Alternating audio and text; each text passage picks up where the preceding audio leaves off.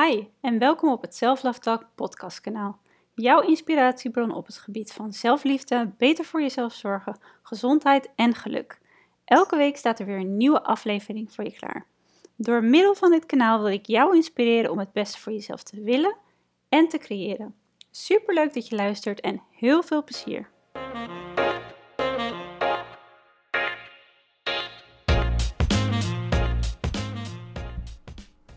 Leuk dat je luistert naar een nieuwe Self Love. Voor deze podcast heb ik een gesprek opgenomen met niemand minder dan Jip Isabel. Wellicht ken je Jip via Instagram, waar zij heel actief is, um, of via haar website of podcastkanaal, waar zij alles deelt over haar leven en op het gebied van vrouw zijn. In deze Self praat ik uitgebreid en openhartig met Jip over wat zelfliefde voor haar betekent en waarom dit zeker het afgelopen jaar een onwijs belangrijke rol in haar leven heeft gespeeld. Ze vertelt heel openhartig en inspirerend, vind ik, um, over wat voor impact een ongezonde relatie in het verleden op haar heeft gehad. En daarnaast ook wel weer wat voor moois en hoeveel kracht ze hieruit gehaald heeft. Um, en daarnaast vertelt je over haar struggles met het hebben van een eetstoornis en hoe ze ervoor gezorgd heeft dat ze uiteindelijk weer een positieve relatie ontwikkelde met voeding, maar ook zeker met zichzelf. En een van de redenen waarom ik je heb gevraagd heb als gast, is omdat zij heel veel weet over um, vrouwelijke energie en leven naar je eigen cyclus. Het is een onderwerp dat steeds meer de aandacht krijgt en waar steeds meer vrouwen meer informatie over willen hebben. Want juist deze kennis over jezelf um, kan ontzettend veel kracht geven en jou als vrouw ook veel waardevolle handvatten geven. Anyway, um, laat ik vooral deze introductie niet te lang maken en laten we lekker gaan luisteren naar deze Self Love Talk met Jip Isabel.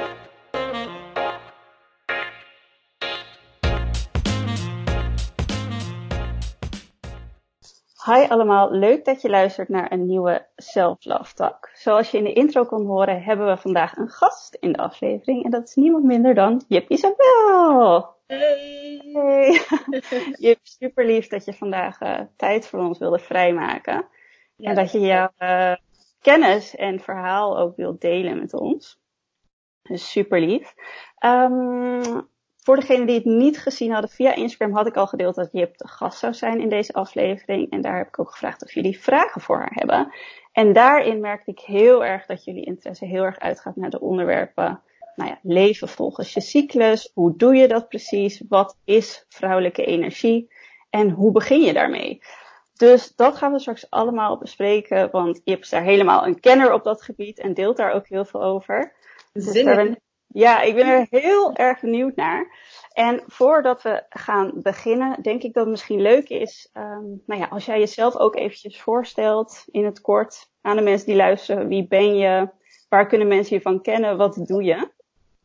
Ja, van alles. Hoe doe je dat in het kort, hè? Mijn naam is Jip Isabel. Um, Isabel is trouwens mijn tweede naam. Heel veel mensen denken altijd dat Jip een bijnaam is, maar Jip is gewoon mijn roepnaam. Ik ben 26 alweer en um, jullie kunnen me misschien kennen van um, Instagram of mijn blog, jipisabel.nl. En ja, ik ben ooit begonnen als fitness-influencer en uiteindelijk ben ik nu echt een vrouwenblog gestart waarin ik Ja, dat is wel schrijf, een verandering. Ja, maar ik vooral schrijf over vrouwelijke gezondheid eigenlijk en vrouwelijke kracht en energie.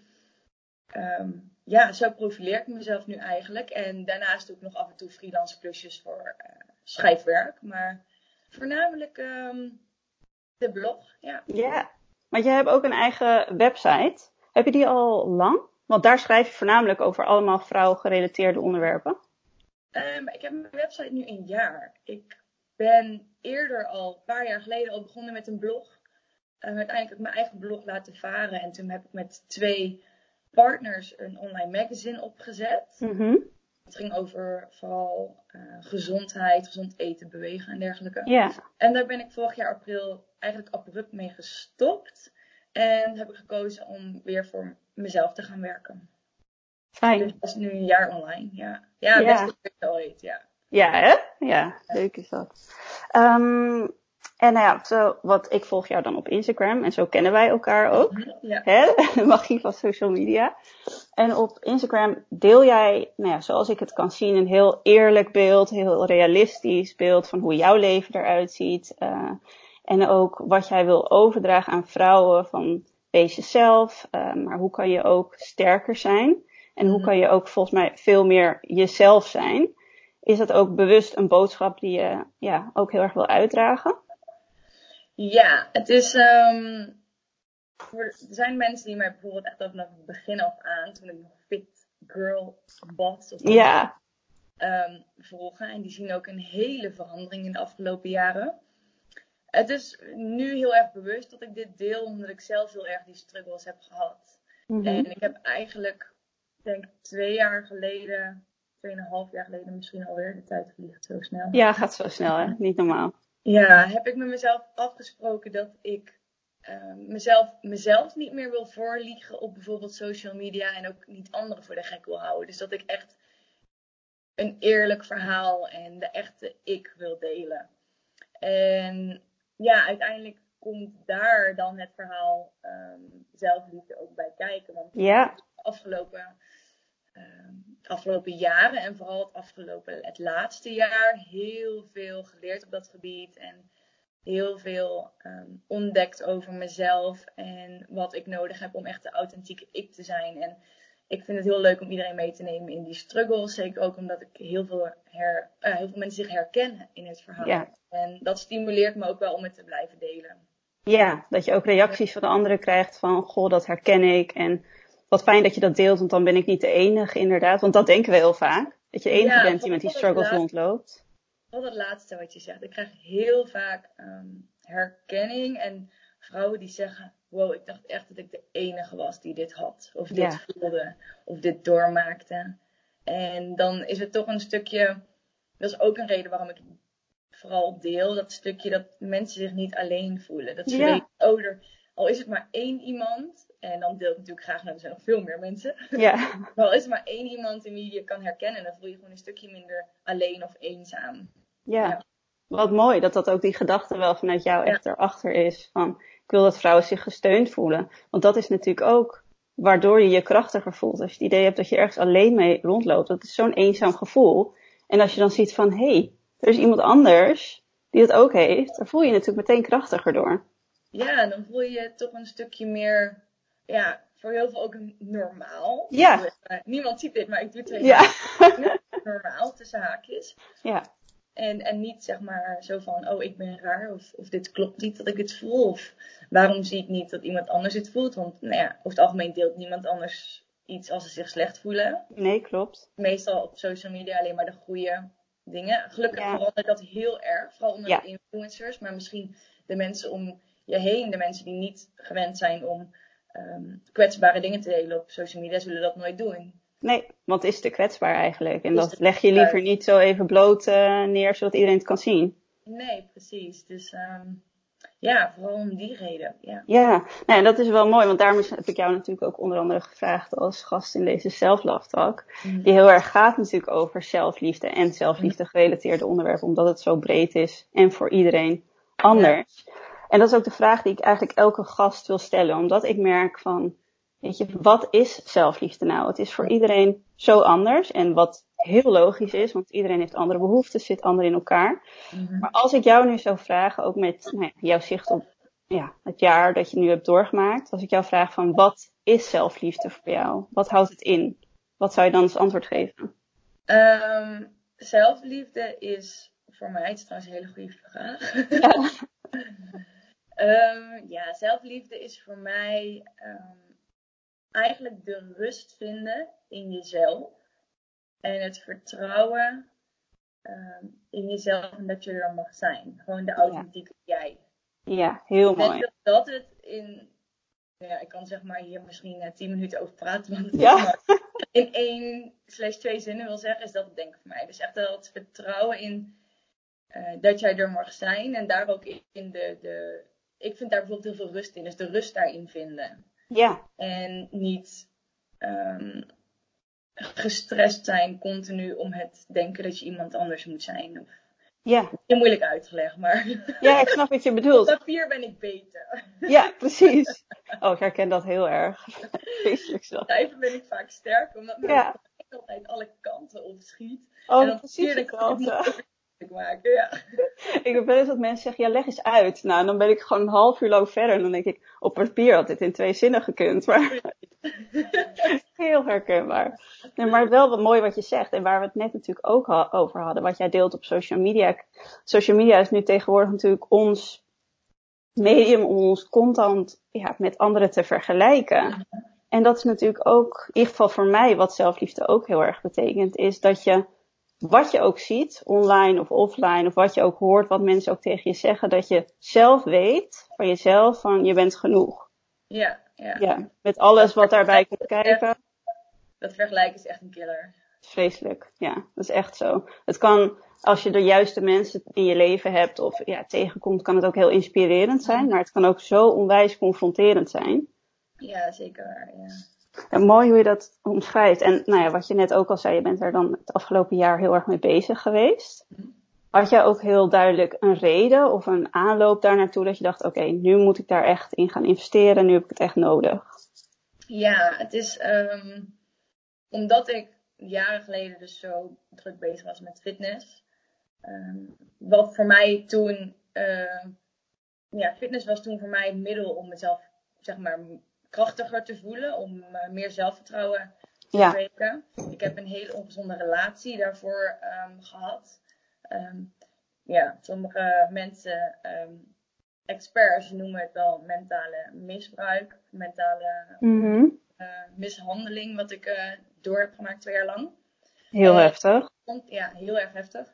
En ik bevond me dus op een gegeven moment heel erg op een, nou ja, ik, mijn zelfvertrouwen was zeg maar het niveau met de grond. Ja, Ik had vroeger al toen in de puberteit niet zo heel veel zelfvertrouwen, maar hij heeft het echt helemaal ehm, ja, naar de grond, eh leveltje grond eh, ja, gebracht. En op een gegeven moment, toen dat zeg maar uitging en ik een soort van ontwaakte uit waar de fuck heb ik afgelopen, sorry dat ik scheld, afgelopen jaren ingezeten. Toen heb ik met mezelf afgesproken dat ik nooit meer iemand of iets ehm, mij, mijn zelfvertrouwen zo zou laten beïnvloeden als het ware. beïnvloeden, ja, kwijt. Ja. Ik heb met mezelf afgesproken, ik laat niemand meer mijn eigen kracht afpakken. Nou ja, natuurlijk wist ik niet hoe. Nee, maar de keuze is al heel krachtig natuurlijk. Je roept zoiets en dan denk je, ja, maar hoe doe je dat Ja, dan? hoe dan? had geen zelfvertrouwen. En ik begon eigenlijk met fitness, want ik voelde me in de, de fitness heel erg fijn. En heel sterk en krachtig, want ik had iets gevonden wat ik leuk vond, waar ik mijn energie in kwijt kon, waar ik mijn boosheid in kwijt, kwijt kon. Ja, En toen ben ik heel erg gaan fitnessen, maar het gevaar daarin was, als je zo erg bezig bent met fitness en met je lichaam, want ik voelde me nooit mooi. En ehm, toen begon ik af te vallen, werd ik sterker, kreeg ik een strakkere huid, weet je wel, mo- mooiere billen. ja, ja, Maar het was nooit genoeg. Dus dat is dan weer die val, valkuil waar je eigenlijk in ja. En na een aantal jaren ehm, fitnessen en zoveel bezig zijn eigenlijk alleen maar met mijn ehm, fysiek in plaats van met mijn mentale gesteldheid, ehm, kwam ik eigenlijk achter dat ik door het fitness en door het gezonde eten zo in een eetstoornis in ben gerold. oh ja, Ja, wat ik mezelf heel erg, nou ja, mezelf voor de gek hield door te zeggen, nee joh, je weet heel veel wat gezonde voeding is. En ja, eh, je weet hoe je voor jezelf moet zorgen. Dus jij, je bent eigenlijk te slim om een eetstoornis te hebben. Dat dacht ik letterlijk. Een hele rare gedachte eigenlijk, maar dat dacht ik echt. ja, ja, Ook omdat ik als personal trainer werkte toen en heel veel vrouwen coachten op voeding. Dus dan denk je, nee, dat kan niet. Ik kan dat niet hebben. nee, precies, dat overkomt mij niet. Nee, precies. Nee. En ehm, uiteindelijk, ehm, het is heel grappig, want eigenlijk is het gekomen toen ik van de, de anticonceptie, toen ik stopte met de anticonceptiepil. Toen ontwaakte ik uit een soort van roes of zo. Bizar. heel veel vrouwen zeggen dat die stoppen met de pil omdat het heel veel onderdrukt. Ja, Er kwam een soort van roes en mijn emoties werden veel heftiger. En op een gegeven moment dacht ik, er klopt iets niet. Er klopt iets niet, er klopt iets in mijn mind niet. Want ik heb zoveel struggles met hoe ik tegen mezelf praat, wat ik denk. En ik kon het, Ja. niet, meer, ik kon het niet meer onderdrukken en ontkennen. En toen heb ik vorig jaar uiteindelijk een ehm eetstoorniscoach gezocht. En daar is eigenlijk alles eh, begonnen. Wat goed dat je zelf. Ja, precies, in een notendop, oké. maar wat goed dat je wel die keuze ook echt voor jezelf gemaakt hebt van nou, ik zoek hulp. Want ik wil hier gewoon mee om kunnen gaan. Ja, ik heb heel lang gedacht, ik kan het zelf wel. Ah, ik kan het zelf wel. Ja, wat we allemaal denken natuurlijk, voortdurend. En ik heb ook, ook heel lang gedacht van, ja, mijn eetproblemen zijn niet zo erg als die van anderen. Dus ja. zij verdienen wel hulp en ik niet. Ja, ik denk dat een hele herkenbare gedachte is voor heel veel vrouwen met van alles. Ja, ja, ja. Dus iedereen denkt altijd, ja, maar iemand anders heeft het wel erger. Maar uiteindelijk, uiteindelijk ging het voor mijzelf gewoon niet meer. En het werd voor mijzelf een obstakel in mijn leven. En ik kwam niet verder in. Ik wilde me heel graag op persoonlijk gebied ontwikkelen. Ik wilde me heel graag mijn mindset veranderen. En uh, ja, persoonlijke ontwikkeling toepassen, meer zelfliefde creëren. Maar dit in mijn hoofd hield mij tegen. Het was zo'n blokkade dat ik op een gegeven moment dacht, ja, als ik hier echt, als ik echt gelukkig wil zijn, als ik echt meer zelfliefde en acceptatie wil creëren, dan moet die blokkade gewoon weg. Ja. En dat was mij op een gegeven moment, ja, op een gegeven moment kwam een soort van breekpunt. Dat ik dacht, ik wil dit gewoon niet meer. Ja, wat goed. toen ben ik gaan zoeken en toen kwam ik bij mijn coach Lianne terecht. Ja, waar je ook een podcast mee opgenomen hebt, volgens mij, toch? Ja, ja, leuk. Um, nou, dat is ook wel mooi wat je zegt, want dat, nou ja, dat lees ik in ieder geval, of dat zie ik heel vaak terug met zelfliefde.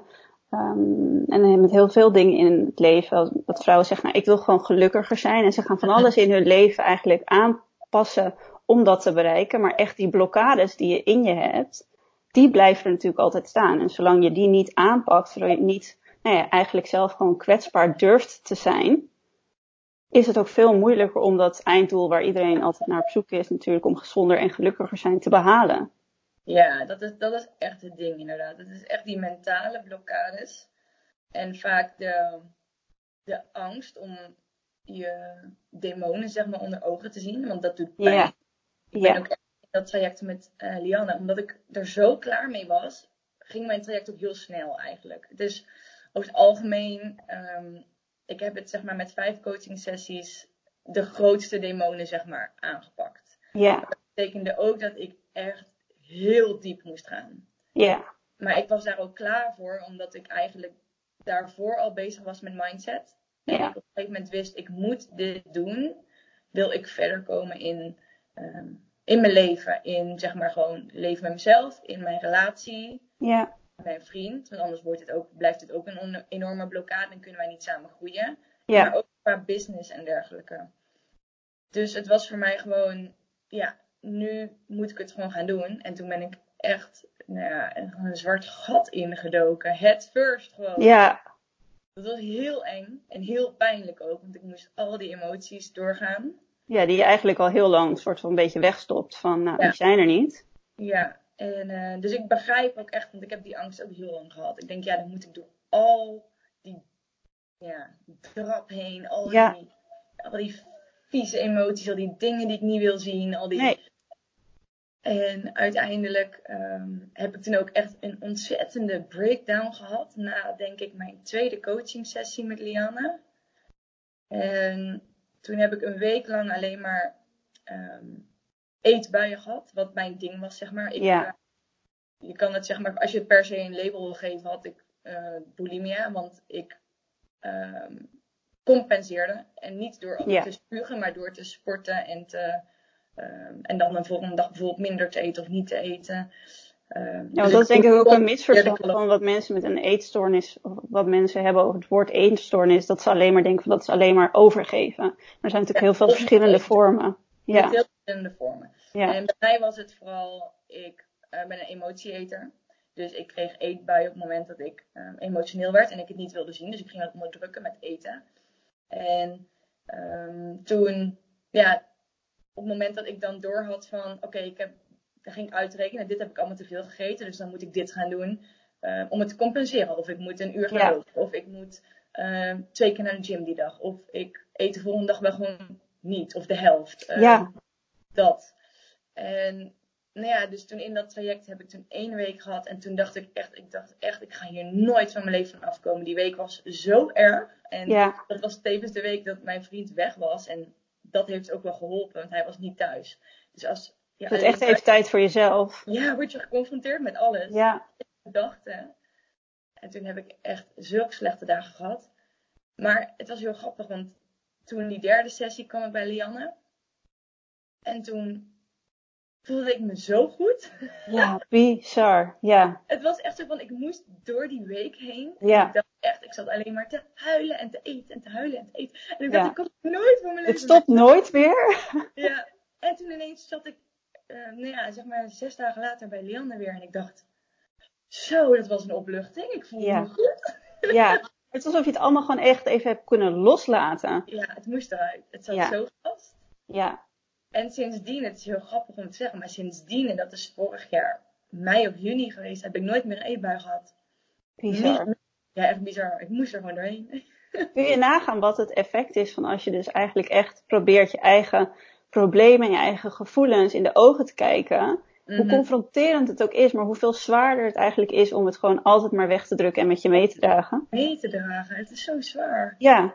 En dat is wat we volgens mij, nou ja, heel veel vrouwen, ik ook, heb dat ook heel lang gedaan. Dat je dacht, als het er niet is, nou dan voel je het ook niet. Maar het heeft onbewust zoveel meer effect dan dat als je het probeert te verwerken.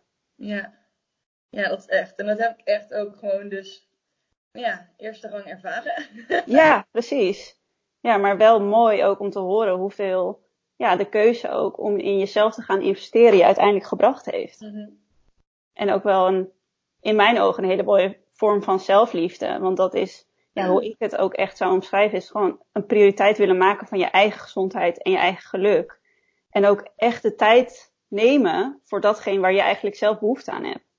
Ja, precies. En voor mij was het ook, zoals je zegt, het is- was echt een investering. was voor mij ook, ehm, ehm, ook qua, qua geld, qua kosten, een enorme investering. Want ik Ja. was dus in april gestopt met, abrupt gestopt met mijn werk. En daar verdiende ik al heel weinig mee, omdat wij een start-up waren. Ja, En toen stopte ik, dus had ik al helemaal geen inkomen meer eigenlijk. heel eng ook. Coaching, zeker omdat het niet vergoed wordt, ehm, ja, is dan een enorme investering. Het is heel erg duur. Ja, Maar het is elke cent waard geweest. Elke Ja. cent. Ik heb het geld eigenlijk bij mijn ouders geleend en het later terugbetaald. Maar ik zei tegen hun van, ik, ik moet dit lenen en het maakt me niet uit hoe lang ik erover doe, eh, hoeveel het me ook kost. Want dit, is elke, elk, dit gaat elke cent waard zijn. Ja. ook elke cent waard geweest. Ja, dat is zo grappig dat je dat zegt. Want ik heb zelf ook op mijn 22ste best wel lang coaching gehad. Hm? En ik weet ook nog dat ik, ja, toen, nou ja, toen verdiende je gewoon nog niet zo heel veel. Weet je, toen werkte ik nog naast mijn studie. En toen vond ik ook echt, elke keer dacht ik, als ik erheen ging, dacht ik, oh, pff, het is wel weer echt een eh, rip uit mijn lijf. Maar elke keer als ik daar wegliep, Hm. nou, dan, dan legde ik dat geld echt met plezier zowat om tafel. Ook al moest ik dan de rest van de maand gewoon denken van, oh ja, ik moet even goed op mijn geld letten. Ja, Maar dat het is zo, ja, boeiend. dat maakte me toen ook echt niet meer uit, omdat het Nee. zo erg hielp. Ja, precies. Dat, ja, dat is voor mij ook echt precies het ding. En in eerste instantie heeft het me heel lang tegengehouden omdat het zo duur was. Ja, Maar ik dacht, ja, ik heb dat geld helemaal niet. En ik ben ook wel iemand, ik wil geen geld van mijn ouders vragen. Want ik denk, ik wil Nee. doen. Independent woman. Ja, precies. Herkenbaar. En uiteindelijk dacht ik, nee, ik moet dit gewoon doen. Dus ik, ik kon ook een betaalregeling doen. Lianne zat toen nog bij een, ehm, een ehm, hoe heet het, een organisatie met verschillende coaches. En nu werkt ze voor zichzelf. Maar ze had ook geregeld voor mij dat ik het in termijnen kon betalen. Zodat ik niet in één keer zoveel geld neer hoefde te leggen. En Nee, dan wordt de drempel iets- ook al iets kleiner. Ja, dus het is altijd wel iets om zeg maar samen met overleggen ehm, hoe je het dan toch kan doen. Want ze willen heel graag natuurlijk mensen helpen. Dus als jij Ja. niet in keer zoveel geld neer kan leggen, dan hebben ze wel zoiets van oké, we kunnen je wel helpen, een hand toereiken. Ja, en ook mooi om te, te zien en te horen dat hulp vragen, dus ook in dit geval dan aan je ouders van, goh, kunnen jullie mij even tegemoetkomen hierin, uiteindelijk dan zoveel helpt. Terwijl ja. Ja. je, je betaalt het gewoon terug, dus je doet het zelf, maar het is Ja. gewoon over die drempel heen, wat ja, we heel vaak hebben van we doen het allemaal wel zelf en het lukt ons wel en we gaan niemand anders lastigvallen met onze problemen. Nee. Uiteindelijk helpt het je zo erg om gewoon wel hulp te vragen. Ja, en dan uiteindelijk nu ook zie ik hoe ver het me dan brengt. Dan denk ik van ja, dit, dit was gewoon nodig. En af en toe moet je even zeg maar een soort van die, die trots of zo opzij zetten. En gewoon Ja, beseffen, hulp vragen is niet erg. Het is niet zwak, wat we vaak denken. Soms heb je gewoon even hulp nodig om jezelf naar het volgende level te, te Ja. brengen, zeg maar. Ja, ja, precies. En dat is helemaal goed, want voor iedereen werkt dat zo. Ja, maar dat is ook echt zo. Voor iedereen werkt dat zo. En zo beginnen we van kleine kinderen af aan. Alleen op een gegeven moment komen we op zo'n punt dat we denken, we hebben niemand meer nodig. En we vallen niemand meer lastig, want iedereen heeft het al druk genoeg. Precies. Ja. Mooi om te horen hoe dat, uh, nou ja, hoe dat jou ook echt, nou in een jaar tijd, dat ook echt bizar snel is eigenlijk. Ja, ja. Heel erg. Ja, echt, uh, nou ja, nu zo gelukkig dan heeft gemaakt. Maar ja, ja, ja. Heb je dan ook nog wel dat je, want dat was ook een vraag die ik kreeg van een van de volgers, van sta je bewust elke dag stil bij zelfliefde? Um, ja, eigenlijk wel nu. Maar het is zeker ook omdat ik dat nog steeds nodig heb. Ik bedoel, het is nu, zoals je zegt, pas een jaar sinds Ja, eigenlijk mijn coaching en hele grote persoonlijke doorbraken. En ik heb zeker ook nog wel momenten dat ik denk, ik voel me kut. Of ja, voel en ik heb een dag dat ik denk, echt. Dat denk ik heeft iedereen nog wel. ja, van die Maar opdracht. dan moet ik wel mezelf, als ik dat soort gedachten heb. En ik heb ook bijvoorbeeld ook nog, ehm, als ik aan het eten ben, dat ik soms op dagen dat ik me gewoon wat minder in vel voel, ga ik calorieën tellen ineens. Dat ik- omdat dat zo'n Ja. gewoonte is geweest al die jaren. Ja, En nog ergens in mijn brein. Het zijn gewoon gewoonten. Het zijn gewoon patronen in mijn brein die werken zo. ja, En ja, dat kun je niet in een jaar allemaal veranderen. Dus ehm, wat ik vooral ook heb geleerd van Lianne toen in dat ehm, proces is dat je jezelf af en toe gewoon een halt toe moet roepen. En Ja. dat doe ik, nou, ik denk dagelijks nog wel. En zo niet, dan eh, minimaal wel een aantal keer in de week. Dat ik even tegen mezelf moet zeggen, ho Jip. Ja. eh, Even je gedachten te stoppen. denken. ja, Zorg liever voor jezelf. ja, Je mag precies. er zijn, je, hoeft, je mag eten, je hoeft het niet te tellen, je hoeft het niet te compenseren. Het is helemaal goed zo. En dan zet ik eigenlijk gewoon weer een stukje terug. En dat is voor mij ook een van de dingen hoe ik zelfliefde toepas. Ehm, lief tegen mezelf praten. Want ik heb jarenlang, en dat toen heel toevallig had ik gisteren een poll op mijn Instagram gezet. En nou, ik denk dat 80% van de mensen die stemden zeiden van, ik praat dagelijks heel vaak. Oh, ja. Meer, meer dan positief. Ja, ja, en helaas gaat het onbewust heel vaak. Ja, ja, dat hebben we vaak, vaak door. En ik heb daar dus bij stil moeten staan, want Lianne gaf me natuurlijk opdrachten. En die corrigeerde hoe ik praat, want ik praatte ook heel erg in, ik moet dit van mezelf in plaats van ik wil iets, bijvoorbeeld. Dat is al, Ja. moeten is iets negatiefs. Ja, streng. Of in ieder geval, dat is onbewust heeft dat een negatieve lading. Ja. Ehm, of nee, ik kan dat niet. Dat, Ik dat mag dat niet. Ik mag dat niet. Of Ja, heel, praten heel negatief. Al Ja. was het niet eens per se over mezelf, gewoon ik gebruikte hele negatieve woorden.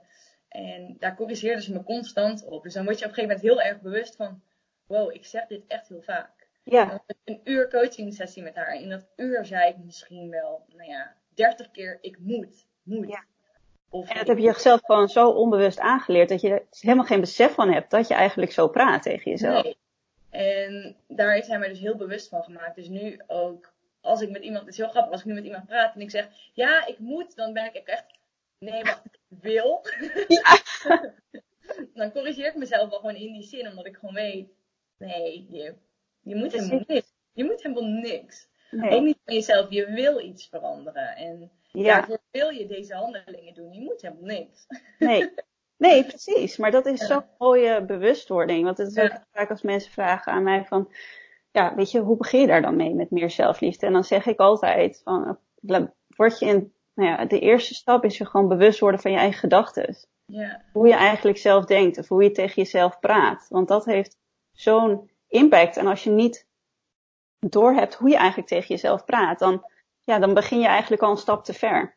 ja precies. Want dan kan je wel allemaal praktische dingen gaan aanpassen, maar Ja, precies dat. Maar als jij, je kan praktische dingen toepassen, maar als jij nog steeds ondertussen heel negatief over alles denkt, dan gaat het niks veranderen. Je ja, begint inderdaad wel met dat, eh, met dat denken. Dat is voor mij wel een ding hoe ik met zelfliefde dagelijks ook bezig ben. En een tweede waar ik ook wat dagelijks mee bezig ben is self-care. ja, Dat ik heel erg, en dan is self-care natuurlijk heel breed. Ja. Maar voor mij is het echt ehm, luisteren naar wat mijn lijf me vertelt. Dat heb ik ook wel geleerd door het coachen. ja, Dat op een gegeven moment wel merkte van oké, als ik niet meer constant mezelf wil vertellen wat ik moet eten.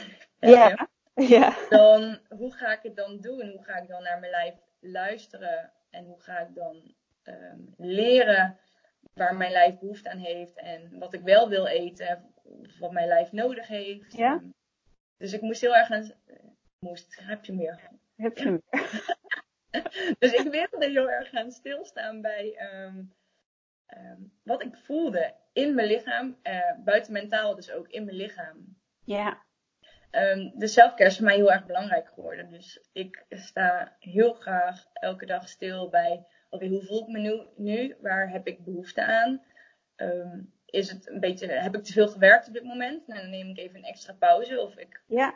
of ik zeg bijvoorbeeld dingen af s'avonds, waarvan ik echt weet dat dit me geen energie gaat opleveren, maar alleen nog maar um, slechter gaat doen voelen. Ja.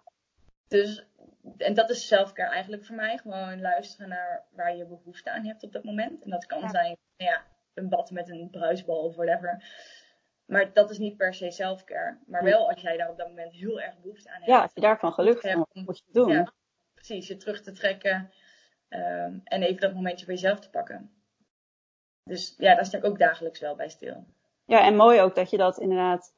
Grappig dat je dat natuurlijk zegt, want ik herken dat heel erg. Dat je nu nu ik daar al langer mee bezig ben, dat ik dan denk van, ook oh, vind het ook oprecht heel erg fijn om daar gewoon bij stil te staan.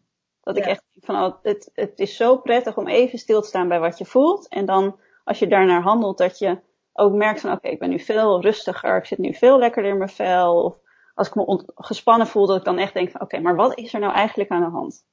Ja. Terwijl als je dat niet doet, dan heb je zo de neiging om gewoon bij, door de dag heen te blijven draven en je de hele dag eigenlijk gespannen te voelen. Ja, je raast maar door en raast maar door. En dan een week later vraag je ineens af waarom je niet goed slaapt. En, Precies. En waarom je zo um, naar voelt. Ja. ja. Natuurlijk ook wel heel mooi van selfcare. Dat je eigenlijk dan, als je maar even die vijf of tien minuten stilstaat, kan je eigenlijk voor zorgen dat je de rest van die week heel anders beleeft. Ja, zeker Ja, mooi. Dat ik precies zo. Nou ja, en misschien kunnen we dan ook nu even dat bruggetje slaan naar inderdaad ja, leven volgens je cyclus. Want volgens mij is dat ook wel iets wat jij echt, nou ja, waar jij echt geïnteresseerd in bent geraakt als het gaat om luisteren naar je lichaam. Ja, precies. Dat is dus ook um, vorig jaar ook gekomen zo. Omdat ik zo bezig was met um, uh, dingen veranderen, uh, mentaal en fysiek. Um, was ik heel erg veel gaan lezen over mindset, persoonlijke ontwikkeling en luisteren naar je lijf. En ineens kwam ik, ik weet niet meer precies hoe, maar ik kwam ergens op het onderwerp vrouwelijke energie. En daar begon ik over te lezen. En ik vond dat onderwerp zo interessant uh, om te lezen over hoe de vrouwelijke en mannelijke essentie verschilt in hm. Biologie, zeg maar. En um, net als yin en yang. En dat vrouwelijke energie eigenlijk yin is en mannelijke energie yang. En dat wij in deze maatschappij zo in yang leven. Die snelheid. drukken en maar razen en maar doorgaan en maar vechten. Want dat is heel mannelijk. Om vechten voor alles ja. wat je. Als jij krachtig wil zijn. Ja, als jij krachtig wil zijn, moet je handelen als een man. Moet je zijn als een man. Dat is eigenlijk sinds natuurlijk die um, emancipatie in, in, in de jaren 60, 70 en al die keren daarvoor en tussenin um, zijn vrouwen natuurlijk het idee gaan creëren van als wij gehoord willen worden, moeten wij als mannen handelen. Ja, moeten we meegaan eigenlijk in die stroming. Ja, en dat is heel goed geweest, want daardoor zijn wij gehoord. Maar we zijn er ook heel erg in blijven hangen. Ja. Dus zeker ook op heel veel werkvloeren, waar bijvoorbeeld um, meer mannen werken dan vrouwen, dan voel je dat heel erg. Vrouwen gaan zich ook meer mannelijker gedragen daar, omdat ze ja. denken gelijke zijn. Ja. Maar ik heb toen heel erg geleerd dat um, een vrouw een man nooit kan nou ja, verslaan en nooit kan um, evenaren in het man zijn. Nee, precies. Je kan een man niet evenaren in het man zijn, want je bent een vrouw. Ja. ja als jij kracht gaat putten uit jouw vrouwelijke essentie, dan kun je echt gelijkheid creëren. En dat is iets waar dus heel veel, wat ik heel interessant vind en waar nog heel veel nou, dagelijks discussies over zijn tussen mannen en vrouwen. En vrouwen die dat niet geloven. En um, ja, dan merk je dat vaak, dat er vrouwen zijn die dat niet geloven als je dat zegt? Um, ik denk, nou ja, ik moet zeggen dat de merendeel de vrouwen die mij volgen op Instagram, die zijn het ermee eens. Ja. Daarom volgen ze hem ook, omdat zij meer over willen leren. Ja. Um, maar ik merk wel in, in deze maatschappij, zeker vrouwen die op in, een heel erg uh, mannelijke dominante omgeving, zich in een mannelijke dominante omgeving bevinden, Ja. dat wel heel moeilijk vinden. Ja. Omdat we toch nog vrouwelijkheid ehm, zien als iets zwaks, denk Ja. ik. Ja. Misschien niet per se, maar onbewust. Ja. Ja. Ja, en ik denk ook wel van, ik heb zelf ook ehm, nou op echt op een kantoorbaan ge- gezeten, waar inderdaad ook heel veel, nou, voornamelijk mannen werken. En ik denk ook wel dat als vrouw daarin, als je natuurlijk heel erg probeert mee te gaan in die, nou, in die energie, dat het heel moeilijk is om dan te bedenken van, oké, ja, maar hoe ga ik nou meer kracht uit mezelf putten, maar ga ik wel nog soort van mijn mannetje staan, weet je wel? Kan Ja. ik wel eh, tussen al deze mannen mijn gehoord eh, laten horen en laten zien? Ja, precies. En dat, ja, daarom vind ik dat onderwerp dus ook zo interessant. Ik heb daar Ja. eh, veel over gelezen. En ehm, ja, en om, om daar een klein stukje verder in te gaan. ehm, het is heel interessant ook om te lezen dat bijvoorbeeld als je, wat je nu zegt, als je in die mannelijke energie meegaat, ehm, dan probeer je je mannetje, mannetje te staan. Maar het is ook heel interessant om dan te leren ehm, dat dat ons eigenlijk draint. Daar Ja. wordt vet moe van. Het kost heel veel energie, omdat dat niet onze natuurlijke essentie is. Ja, Terwijl als jij een pas terugneemt en vrouwen werken een stuk rustiger. Vrouwen zijn ook, als jij meer naar jouw lijf gaat luisteren en jouw gevoel, dan zijn wij creatiever, ehm, zijn wij ehm, productiever. Terwijl als wij maar doorgaan in, oké, mannen, mannen doen het op deze manier, zo, zo, zo, gaan, gaan, gaan, werken, werken, werken, zoveel uren per dag en daarna nog doorwerken ja, dan denk je dat je meer werk kan verzetten. Terwijl eigenlijk, omdat het onze essentie niet is, kost het ons meer moeite om dezelfde hoeveelheid werk te verzetten in die uren als een man zou kunnen doen. Ja. Terwijl als je meer naar jezelf gaat keren, meer terug naar jezelf gaat, echt je authentieke zelf, jouw, jouw energie, waar jouw kracht ligt, in creativiteit, in andere manieren bedenken om productief te werken, dan kun jij in minder uren net zoveel werk verzetten. ja, En voel je je fijner daarbij, omdat je je creativiteit kwijt kan. Omdat je het op een andere manier doet, op jouw manier eigenlijk. En nou ja, dat is natuurlijk heel vaag. het, is, het verschilt ook voor iedereen hoe ze Ja. het doen, zeg maar. Dus ik kan daar ook verder niet heel veel dieper op ingaan. En ik ben daar ook nog steeds over aan het leren. Maar ik vind dat wel een heel interessant onderwerp. En op het moment dat je gaat lezen en leren over vrouwelijke, de vrouwelijke essentie, kom je eigenlijk vanzelf bij het stukje baarmoeder en de kracht van de baarmoeder terecht. En zo ben ik eigenlijk in de kracht van de cyclus ge, eh, gerust. want vertel daar meer over, want daar Ja. zoveel vragen over. Ja, Dus dat vertel, mijn bruggetje. Yes. Ja. Ja, precies. Ja, want voor de mensen die luisteren en die het niet weten, maar Jip heeft ook een cursus die je volgens mij nu, de kaartverkoop is nu gestart, volgens mij. Ja. Kaart, ka- oh, ga maar. De kaartverkoop is maandag gestart. Oh ja, En ehm, het is een Instagram cursus. Ehm, dus je volgt de cur- cursus eigenlijk via een gesloten Instagram pagina. Waarbij ik in stories van zo'n 15 à 20 minuten elke dag informatie deel, opdrachten deel. ja. Ehm, Helemaal in je eigen tijd. Volgens mij kunnen mensen die ook volgen, want je kan die stories natuurlijk gewoon terugkijken wanneer je wil. ja, de eh, besloten Instagram pagina blijft een maand open. Dus ja. bijvoorbeeld, ik begin, de cursus begint 6 mei. Maar als je niet 6 mei kan starten, kun je hem bijvoorbeeld een week later kijken. Of je, Precies. of je doet er één, eh, één of twee per week, kijk je en dan kijk je de volgende week weer één of twee. Dus je kan het echt in je eigen, eigen tijd doen. Op het moment dat jij denkt, nu heb ik er energie voor, nu, ben, nu heb ik even rust. wil voor mezelf. Kijken, ja. Ja, dat is natuurlijk super fijn. En daarin ga je natuurlijk ook super diep in op, nou ja, hoe doe je dat? Hoe leef je volgens je cyclus? En dat was ook een van de vragen, of meerdere vragen eigenlijk, die ik kreeg. Van, ehm, nou ja, omdat je merkt, of in ieder geval ik merk dat het eh, onderwerp vrouwelijke energie en nou ja, hoe je volgens de verschillende fases van je cyclus eigenlijk eh, meer kan leven. Hoe je daar juist energie en kracht uit kan putten. Dat krijgt nu veel meer ook op social media aandacht. Wat denk Ja. ik een hele mooie beweging is. Maar wat ik wel merk, ehm, er staan ook een aantal artikelen daarover op Healthy Wonders. En ik merk bij vrouwen heel erg, nou, waar hadden we het net ook al over. Mhm. Er is natuurlijk voornamelijk heel veel bekend over één fase van je cyclus en dat is de menstruatie. Ja. Dat is eigenlijk waar we mee opgroeien. Daar krijgen we een soort van praktische tips over. En nou, that's it. Maar kan jij iets meer vertellen over nou, wat nou eigenlijk die menstruele cyclus is en hoe die vrouwelijke energie daar eigenlijk ja, mee gelijk aan loopt? Ja, nou, ik heb een, ehm, zoals je weet, een e-book geschreven daarover. En daar staat echt de basis in. En dat was ook om de reden dat ik heel veel vragen kreeg over hoe leef je nou naar je cyclus. Dus ik dacht, ik schrijf even een paar pagina's, dat mensen hoe ze hun cyclus kunnen trekken. Uiteindelijk is dat uh, een beetje uit de klauwen gelopen en is het een uh, e-book van 70 pagina's. Ja, heel waardevol wel. Ja. Um, dus die, die heb ik zeg maar in de verkoop en daar is ook mijn cursus verder op gebaseerd. Alleen ga ik daar inderdaad, zoals je net zei, veel dieper op in. Ja. Um, dan gaan we ook dieper in op uh, selfcare en dergelijke. Ja. Waar we het ook over hadden. Ja. Maar het begint inderdaad bij, bij de basis en dat is het kennen van de vier, um, vier fasen waar onze cyclus uit bestaat. Heel veel vrouwen, meiden kennen inderdaad maar ja, eigenlijk twee fases. Ja, de, de ijsprong. Dat is natuurlijk de meest, nou, is de fysieke fase, want mm -hmm. daar dat zie je ook echt. Uh, je ziet um, als jij sommige die de pil uh, elke dag, elke maand doorslikken, zien het natuurlijk niet. Maar dat is trouwens, nee, andere vraag. Nee, laat maar. Ja. Daar hebben we het zo nog even over. Daar gaan we het dadelijk over. Um, je ziet zeg maar het fysieke, want je, want je vloeit, je bloedt. Um, dus dat is heel herkenbaar, dat, dat, dat weten we allemaal wel. Um, en dan weet je nog dat je ergens een keer misschien een ijsprong slash ovulatie hebt. En dat heb je nodig om zwanger te worden. Dat zijn de twee dingen die we eigenlijk ja. weten. Ja.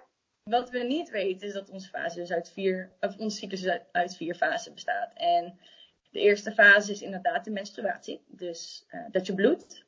De tweede fase kom je in de pre-ovulatie, dus dat is, zijn een aantal dagen voordat je ovuleert.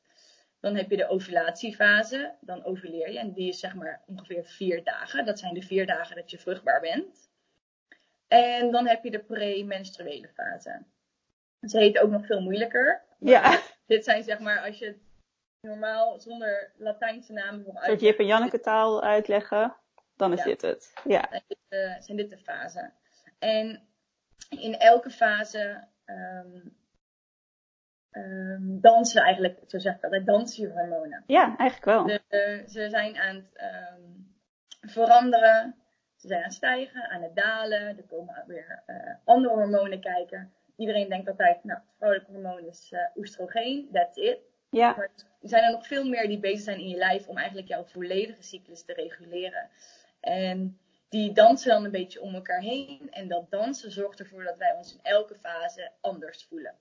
En dat er andere lichamelijke kenmerken eh, zichtbaar worden. ja, Om een voorbeeld te geven, iedereen kent de menstruatiefase. Dat is de fase dat je over het algemeen het liefst onder een dekentje kruipt, Netflix aanzet, ja, een theetje of een warme chocomel erbij. Want chocola, precies.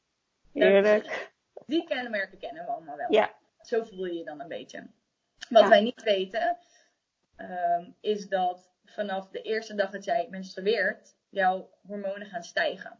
Dus op het moment dat jij begint eh, te vloeien, eh, gaan oestrogeen, eh, nee, dan gaan ehm, de FSH-hormoon en de LH-hormoon, dat zijn twee hormonen die, ja, de naam is eigenlijk niet belangrijk, die beginnen te stijgen. mhm, Hetzelfde geldt voor je progesteron en je oestrogeen. Het begint allemaal langzaam te stijgen. En dat is de reden waarom jij je met de dag wat beter voelt. Ja.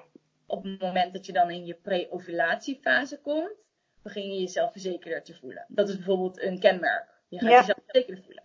Je Ja. voelt je weer wat mooier in dat nieuwe jurkje dat je hebt gekocht. Je voelt je sexier. mhm, En je bent ehm, lekker gebed. Je kan heel goed praten. ja. Dus eigenlijk is het ook niet de goede fase voor mij om met jou een podcast te doen. Want ik ben Nee. Het is helemaal niet goed. Gewoon lekker rustig eigenlijk. de beste fase. Dit is ook wel leuk aan. Dit is leven naar je cyclus. Ehm, als, ik kan bijvoorbeeld, ik werk voor mezelf. Dus ik kan eigenlijk mijn eigen agenda invullen. wat ik Ja. doe. Als ik hele, een hele belangrijke presentatie, als iemand vraagt wil jij een hele belangrijke presentatie doen of een hele belangrijke meeting, dan probeer ik die te plannen in mijn pre-ovulatie en ovulatiefase. Ja, Want dat is dus de fase dat jij meest zelfverzekerd bent, lekker energie Best- hebt. meer energie, dat jij het beste kan spreken. En je kan het beste spreken, dat is heel leuk, weet je. Omdat in de pre-ovulatiefase maakt jouw lichaam zich klaar om een eitje in te nestelen. Dus je lichaam maakt zich klaar om een man aan de haak te slaan, Ja, seks te hebben en een kind straks te krijgen. ja, Daar maakt je lichaam zich klaar voor. Dus dat betekent dat jij ook een lekker praatje met iemand moet kunnen maken. Want je moet iemand aan de haak slaan. Precies. En dat is de reden waarom je dan lekker gebekt bent en lekker aan het kletsen bent. En je komt goed uit je woorden. En dan, als het goed is, heb je in je ovulatiefase, de volgende, heb je dan zeg maar een man aan de haak slagen. In ieder geval biologisch gezien hoopt je lichaam dat. Ja. En dan voel je je dus het meest sexy. Je hebt een hele hoge seksdrive, want het is tijd om Je voor te planten. je voor te planten. Ja. Precies. En daarom voel je je dus in die periode dan echt à la Beyoncé. Sexiness. Ja, je kan de hele wereld aan. Ja, dat is mijn favoriete fase. Want dan gaan alle jurkjes weer de kast uit. En dan denk ik, kijk Alles staat. denk ik, Oh, deze girl. Zo leuk. En dan, zodra die fase voorbij is, eh, maar je hebt geen man aan de haak, of misschien wel, maar je hebt je niet voortgeplant. Precies. Dan maakt je lichaam zich weer klaar om alles wat het heeft voorbereid, bijvoorbeeld je baarmoederslijmvlies en dergelijke, heeft zich opgebouwd, zodat het eitje zich goed kan nestelen. Ehm, die denken, ja, er is niks te doen, er is geen werk, want ze gaat zich niet voorplanten. Weer een maand voorbij, damn it. Ja. Zo hard. En het gaat alles dan weer langzaam afbreken. En op het moment dat het ze- dus na de ovulatie gaat afbreken, dalen je al je hormonen weer. En na de ovulatie begint dus, begin je dus met de dag weer iets minder zelfverzekerd te voelen. In de premenstruele fase voel je je dus over het algemeen ook het meest angstig, Ja. meest stressvol, ehm, zenuwachtig. Je weet niet zo goed waar die gevoelens vandaan komen. En dat komt omdat je hormonen dus aan het afbreken zijn. Ehm, dat is dus ook de fase dat je eigenlijk weer wat meer naar binnen, meer, je iets meer naar binnen keert. Ehm, je ehm, ja, wat meer terugtrekt ook weer. Je gaat weer meer in huis. Je hebt misschien meer het idee om ehm, je huis opnieuw in te richten of eh, een soort van lente schoonmaak te maken. Zo van Ja. ja, het, is, het is weer klaar deze maand. Ja, precies. En dan uiteindelijk, als die fase voorbij is, dan begint natuurlijk je menstruatie weer. Ja. En dat is zeg maar een beetje hoe je lichaam bezig is met, ehm, ja, het ja, met je cyclus. Hoe, hoe jouw ehm, fysieke lijf en je hormonen daarop reageren. En waarom je dus ook in bepaalde fases beter voelt dan in andere. Ja, want dat is natuurlijk heel leuk als je. ehm, ik denk een beetje dezelfde tijd met jou. Ik denk dat ik daar ook sinds een jaar, misschien iets langer, veel meer mee bezig ben. En dat is het leuke als je ehm, daarmee begint en je leert je eigen cyclus te begrijpen. Mhm. Dat je dat inderdaad allemaal zo duidelijk gaat herkennen. Ja. En ja, dat is echt bizar. En ik vind dat ook heel leuk, want ik weet nog dat ik, ik ben daarmee begonnen met het tracken eigenlijk van mijn menstruatie. En ik had toen nog een Mirena-spiraal. Dus toen had ik niet echt een ongesteldheid, maar ik wi- wist het ongeveer. Ja. En ik had toen heel erg last van, ehm, nou, die dagen voor die ongesteldheid. Dat ik Ja. zulke mood swings had, dat, dat ik echt dacht. Maar omdat ik daarvoor niet zo duidelijk had van wat mijn cyclus nou was, dacht ik elke maand meer, nou, wat is er nou mis met mij? Toen Ja. was het normaal, joh, jeetje, wat is er met je aan de hand? En doordat ik die cyclus in de gaten ging houden, dacht ik opeens, kon ik opeens zien, ah, daarom. En dan kan je het zo makkelijker, veel makkelijker relativeren ook. Ja, precies. En dan kun je er ook meer vrede mee hebben dat je je zo voelt. Ja. Want je hebt van, oh, maar dit is logisch. Ja. Nou, weet je wat, dan pak ik een theetje, ga ik even rustig aan doen. En Ja, dan voel ik me straks weer beter. Ja. Ja. en dat is ook heel goed waarom jij inderdaad in jouw cursus dan ook echt self-care gaat behandelen. Want dat is zo fijn als je je cyclus kent en je weet wanneer je het nodig hebt. Ja. ja. Dan is het nou, dat is zo waardevol dat je dat dan op dat moment kan toepassen. In plaats van dat je eigenlijk inderdaad boos op jezelf gaat zijn van nou stel je niet zo aan. En je moet nu gewoon productief zijn en hoppakee, eh, je werk moet gewoon door. Ja, ja, precies. Dat is ook wel, de reden waarom ik dat nu in mijn cursus ga behandelen. Het was te veel om het ook in het e-book te gaan, te, gaan werken. Dus ik had zoiets van, oké, ik krijg toch nog heel veel vragen over hoe pas je het dan allemaal toe. Ja. Buiten gewoon de basiskennis die ik daarin deelde. Ja. En daaruit is de, de cursus ook wel ontstaan. En ehm, we gaan ook echt kijken naar van hoe, ehm, hoe kun je de selfcare, selfcare in de verschillende fases eh, Ja. eh, zeg maar toepassen. Wanneer heb je het inderdaad het meest nodig. Ehm, maar vooral ook wat bij mij wel de rode draad in alles is, is het is niet voor iedereen hetzelfde. Het kan Mhm. niet zijn dat ik me op een bepaalde, in een bepaalde fase super kut voel. Ja. Terwijl iemand anders zich juist op en top voelt die dagen. Ja. Dus het gaat er vooral om, om eh, mensen, mensen, vrouwen hun eigen cyclus te laten leren kennen. Dus niet zo dat ik zeg van, hé, hey, omdat ik me op deze dagen naar voel, moet jij je ook zo voelen. Nee, zo werkt het niet. Dus gewoon, je gaat ontdekken hoe jouw cyclus in elkaar zit. Zoals jij zegt, je hebt, voordat je ontstelt een paar dagen dat je je echt voelt. Ja. ja. Ik heb die dagen voor mijn ongesteldheid heb ik ontzettende stemmingswisselingen. Dus ik kan echt letterlijk, dit is echt letterlijk, gewoon tien minuten lang onwijs boos of chagrijnig zijn. En dan kan ik tien minuten later weer gewoon zingend door het huis lopen. Ja, oh, ik dat zo erg. Ja. En de eerste dagen van nou, mijn... Gek. Je bent gewoon gek. en de eerste dagen van mijn menstruatie, dat zijn meestal de eerste drie dagen. Ehm, als ik over mijn eigen grenzen heen ga, dus te veel werk. En dat mijn lichaam begint het al aan te geven vaak. En dan soms ben ik eigenwijs. Afgelopen jaar heb ik heel goed naar geluisterd bijvoorbeeld. Maar nu ben ik met mijn cursus bezig. Dan ben ik eigenwijs. En denk ik, nee, nee, ik ben echt lekker bezig. Ga door, ga door, ga door. Ja. Terwijl ik eigenlijk al voel dat hoofdpijn opkomt. Of dan weet ik al mijn lichaam aangeeft, je ja. te ver. En als ik dat doe, dan ben ik s'avonds niet te harde. Dan ben ik zo chagrijnig. Ja, oh, en dan van mezelf. Dit je vandaan komt. Ja, ja. Ja, dat is het ook nog. Want ik herken dat precies hetzelfde. Ik heb dat, ik dacht altijd dat hoofdpijn er zeg maar bij hoorde. Mm Totdat ik zelfcare ging toepassen op de, de bepaalde fases. En nu weet ik heel goed dat hoofdpijn er pas is als ik dus gewoon niet goed naar mijn eigen lichaam geluisterd heb. Ja, als je over je grenzen heen gaat. Ja, precies. Dus dat is echt wel de, de rode draad in alles wat ik doe. Ik, ook, ik ga het over selfcare hebben, maar ik ga het vooral ook ik ga vooral ook de vrouwen stimuleren om op te zoeken wat voor hun de ultieme selfcare momenten zijn. Want dat ik um, graag in de natuur wandel als ik me even overwhelmed voel, betekent niet dat iemand anders het ook fijn vindt. Ja. Die vindt het misschien fijner om een muziekje in te doen en um, te gaan tekenen of, of, of whatever. Of um, wel even terugtrekken in, in een lekker warm bad of een boek lezen. Wat voor hun werkt. Juist lekker om op dat moment te gaan sporten. Dat kan ook. Ja. Dus ik ben heel erg aan het uh, ga heel erg mensen, vrouwen, ik zeg oké, mensen, ja. ja. neutraal natuurlijk. Ja, precies. aan het stimuleren om echt uit te zoeken wat voor hun werkt. Dus dat is wel de draad in alles wat ik doe. Ja, en ook wel een hele mooie vorm, denk ik, van zelfliefde. Want het heeft natuurlijk alles te maken met ja, leren om eigenlijk je hoofd en je lichaam weer als een soort team te laten werken. In plaats van altijd maar vanuit je hoofd en vanuit je onbewuste gedachten te leven. Ja. Door gewoon heel erg te gaan leren van, oké, welke signalen geeft mijn lichaam? Wat heb ik nodig? Hoe kan ik dat zelf gaan toepassen? Maar ook een beetje de regie eigenlijk te nemen daarin over je eigen leven. Ja, en um, wat leuk om te weten is dat um, je hormonen bijvoorbeeld dus ook... Ik denk dat veel mensen het wel weten, maar het gewoon nergens hebben opgeslagen. Of er niet bewust mee bezig zijn. Maar je voeding heeft ook een onwijze invloed op je hormonen natuurlijk. En elke fase heb je dus ook eigenlijk andere voeding nodig. En daar heb ik ook, uh, daar schrijf ik ook over en dat ga ik ook mensen in begeleiden om te laten zien wat voeding met je hormonen doet. Maar ook daarin, je kan bijvoorbeeld, wat ik wel aanraad voor bijvoorbeeld vrouwen die PCOS hebben of endometriose of andere ja. extremere klachten rondom je geslachtsdeel en baarmoeder.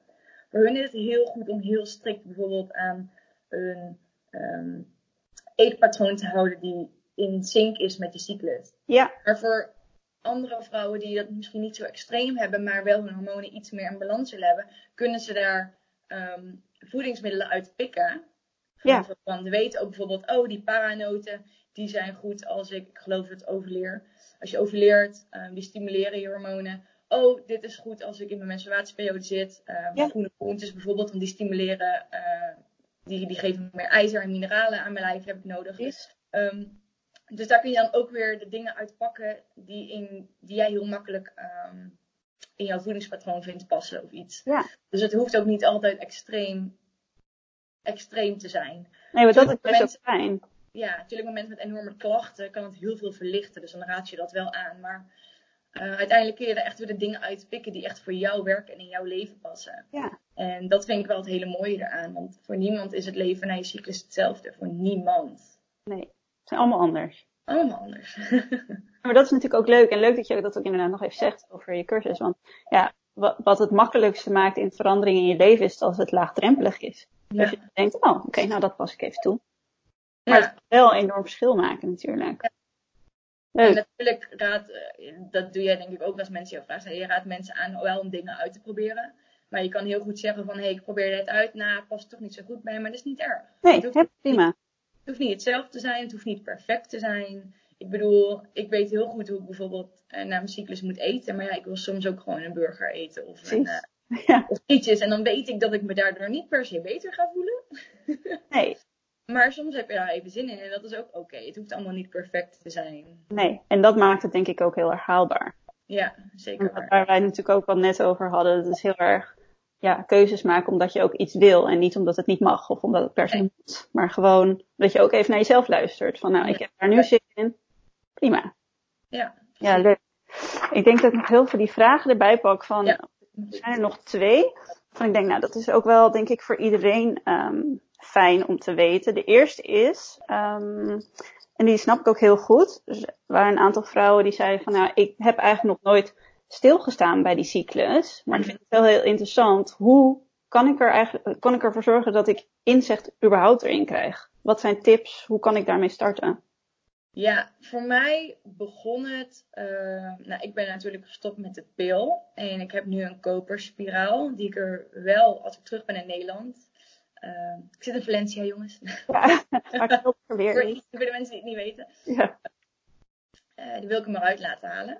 Ja. Omdat ik klachten door ervaar. Maar um, toen ik stopte met de pil. Um, werd de eerste twee maanden niet ongesteld en daarna was hij heel onregelmatig. Dus dat is wel iets, als je stopt met de pil duurt het minimaal zes maanden voordat die cyclus weer een Ja. soort. Sommigen zeggen zelfs een jaar. Er zijn ook vrouwen die één of twee jaar niet ongesteld worden. Het kan soms heel lang duren, omdat je natuurlijk jarenlang dat geslikt hebt. Daar kreeg ik dan Maar- ook een vraag over, inderdaad. Maar voor mij begon het toen. Ehm, nou, ik had dus opgezocht hoe lang het duurde. Zes maanden ongeveer. Na die zes maanden ehm, vond ik het eigenlijk wel interessant om het een beetje te gaan trekken. Van oké, wanneer ben ik dan ongesteld? En eh, ik heb daar boeken bij gebruikt. En uit al die boeken die ik heb gelezen heb ik dus mijn eigen e-book gemaakt. En daar staat ook een heel hoofdstuk in over hoe je kan trekken. ehm, met en zonder anticonceptie.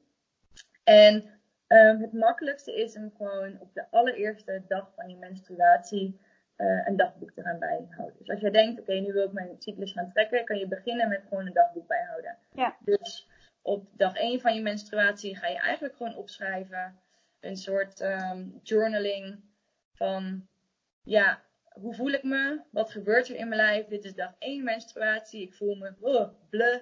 Ehm, Ja. Mijn symptomen zijn stemmingswisselingen en dit. Ehm, dan schrijf je eigenlijk een beetje alles op. En dat hou je dan de hele maand bij. En dat probeer je dan ehm, zo vaak mogelijk, ja, misschien een half jaar of een jaar lang te doen. Ja. En op het moment dat je dan terugkijkt, kun je eigenlijk heel makkelijk zien van, hé, hey, mijn cyclus duurt bijvoorbeeld 28 dagen, of misschien 30 dagen, of misschien 25 dagen, want dat verschilt ook per persoon. Ja. Dus dan krijg je al een soort inzicht van, nou, dit, dit, dit gebeurt er, zo, zoveel dagen is mijn cyclus. Dan kun je misschien ook heel goed zien waar de verandering is. Zo van, oké, na het vloeien ehm, verandert mijn mindset op deze manier. Of Mhm. want je, dan kom je dus in je pre-ovulatie. Dus dan verandert je mindset waarschijnlijk. Word je wat kalmer. En wat ik net vertelde, voel je je wat meer zelfverzekerd. Dan kun je dat een beetje bijhouden. En zien van, oh, nou hier verandert dus mijn mindset. Ja. Dus dan kom je in een nieuwe fase. Het kan zijn dat je hele duidelijke veranderingen hebt. Het kan ook zijn dat ze wat minder duidelijk zijn. Ja. Maar dan kun je ook weer andere symptomen gaan bijhouden. Want bijvoorbeeld jouw afscheiding, iets waar ook geen enkele vrouw over durft te praten trouwens. Nee, nee want afscheiding want, verandert hygiënisch, hè? Nog niet over praten. Maar je afscheiding verandert in elke eh, periode. Ja. Op het moment dat jij ehm, ovuleert, is het bijvoorbeeld op het meest dik. Is het dik en plakkerig. En dat komt omdat jouw eitje dus in jouw baarmoederwand zich moet gaan nestelen. Dus het wordt allemaal dikker gemaakt. Dat is bijvoorbeeld een symptoom die je dan kan gaan bijhouden. En daaraan kun je dan zien, hé, hey, nu is die echt ongelooflijk dik en plakkerig. En dan na je ovulatie, wat bij mij gebeurt, dan is het er bijna niet meer. Dan is het Nee. bijna niet meer of heel waterig. Ja, En daaraan kun je dus ook bijvoorbeeld, dat zijn symptomen waarin je kan zien in welke fase je belandt. ja, Ehm, ja, wat raad ik aan om dat dus eigenlijk of online op te zoeken of mijn e-book te lezen. dat natuurlijk. Ehm, maar dat soort dingen kun je dus bijhouden. Mocht je het nog iets specifieker willen doen, jij hebt bijvoorbeeld de Daisy. Ja. Dat is een temperatuurmeter. Klopt. Je, hebt, nou, je kan het dus met een, bijvoorbeeld een, een Daisy of een Ladycomp iets doen, die Ja. daar gespecialiseerd in is. Of je doet het zelf met een basale temperatuurmeter. Want jouw temperatuur verandert ook elke periode.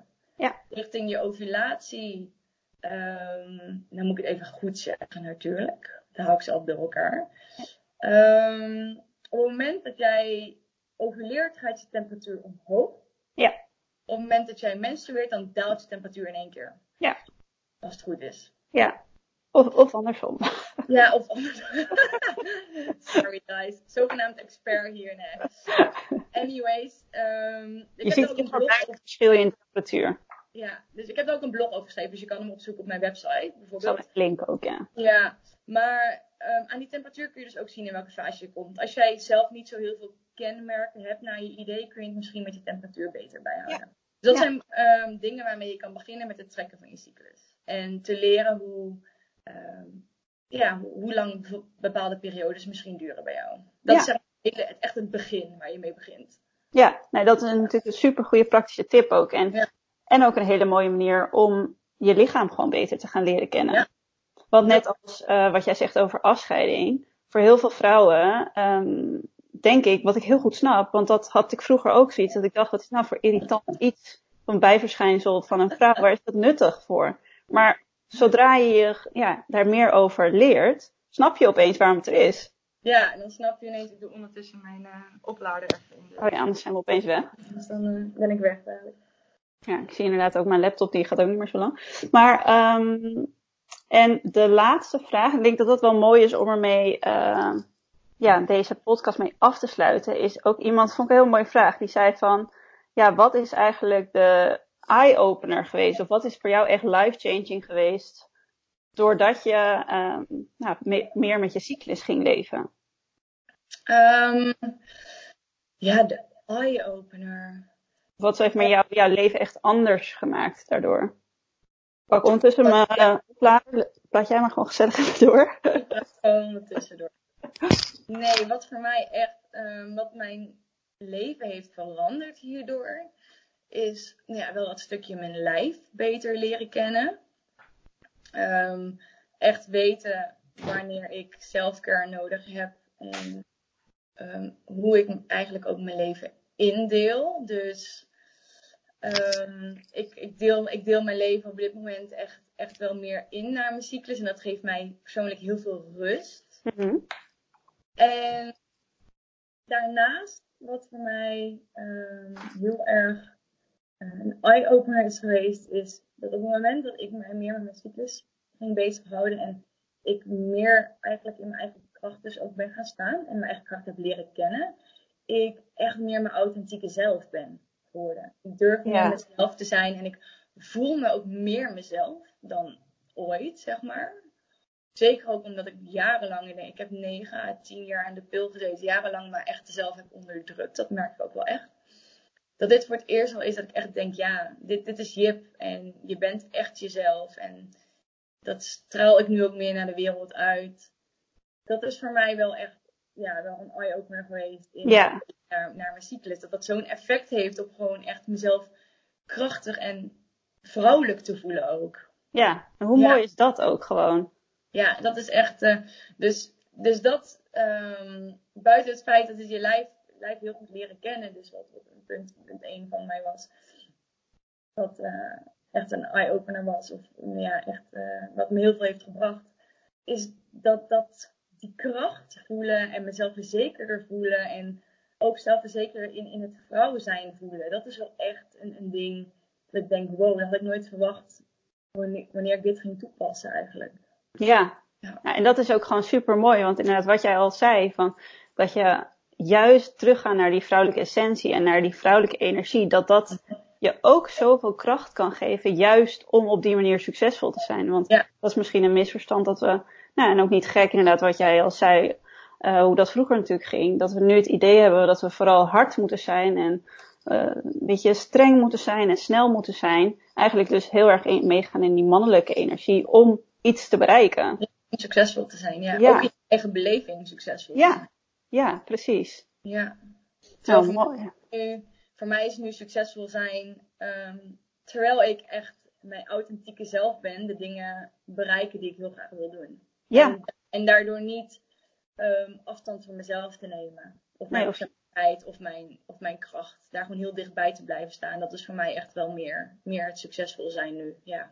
Ja, heel mooi. En dat je daar, daarmee ook, wat ik hoor, gewoon heel erg ook gewoon je eigen, jezelf heel serieus neemt en je eigen grenzen en het zorgt voor jezelf daarnaast, zodat je niet alleen succesvol bent, maar je ook nog daar echt van kan genieten. Ja, en niet succesvol zijn en dan vervolgens ehm, je thuis alleen maar naar voelen of uitgeblust, uitgeblust of gestrest. Nee. Ja, dan, dat denk ik. Voor mij ook niet. Dan vind ik het succesvol als het succesvol zijn dan zeg maar ehm, veel geld of een groot bedrijf is, dan, dan gaat voor mij dat de glans van het succesvol zijn er ook echt vanaf. Ja. Op het moment dat jij gestrest thuis zit, dan heb ik niet het idee dat je in mijn beleving succesvol bent. Jij hebt misschien veel geld, maar... Je geniet je ervan. Ja, dat is dan echt de vraag. Ja. Ja, en dat is natuurlijk denk ik voor heel veel nou ja, aspecten in je leven inderdaad. Doordat je gewoon, als je er gewoon voor zorgt dat je jezelf goed verzorgt, ja, goed verzorgt, dan kan je zoveel meer genieten ook. En, Alles, ja. Ja, nou, heel mooi. Ik denk dat het een mooie is om ook mee af te sluiten, want ik zie dat we alweer langer dan een uur aan het kletsen zijn. um, maar goed, we hadden het net al over jouw cursus en ik zal de link ook naar jouw website uh, gewoon eventjes hier inzetten. Dat voor mensen die dit interessant vinden en denken, nou hier wil ik mee aan de slag. Um, en naar je e-book zal ik er ook eventjes inzetten, want dan kunnen ze natuurlijk ja, altijd... Um... Leuk om te weten, dus voor de mensen die de cursus willen doen, het e-book zit er dan bij inbegrepen. Dus oh, top. Hoef je niet apart dan aanschaffen als je denkt, ik wil de cursus doen, want ik wil uh, er gelijk diepte in duiken. Ja, ja precies. Ja. Een soort win-win situatie. Precies. ja, leuk. Um, nou, Jip, dank je wel dat je hier tijd voor wilde vrijmaken. Ja, natuurlijk. Um, nou, ik hoop dat het voor heel veel vrouwen heel inspirerend is en herkenbaar.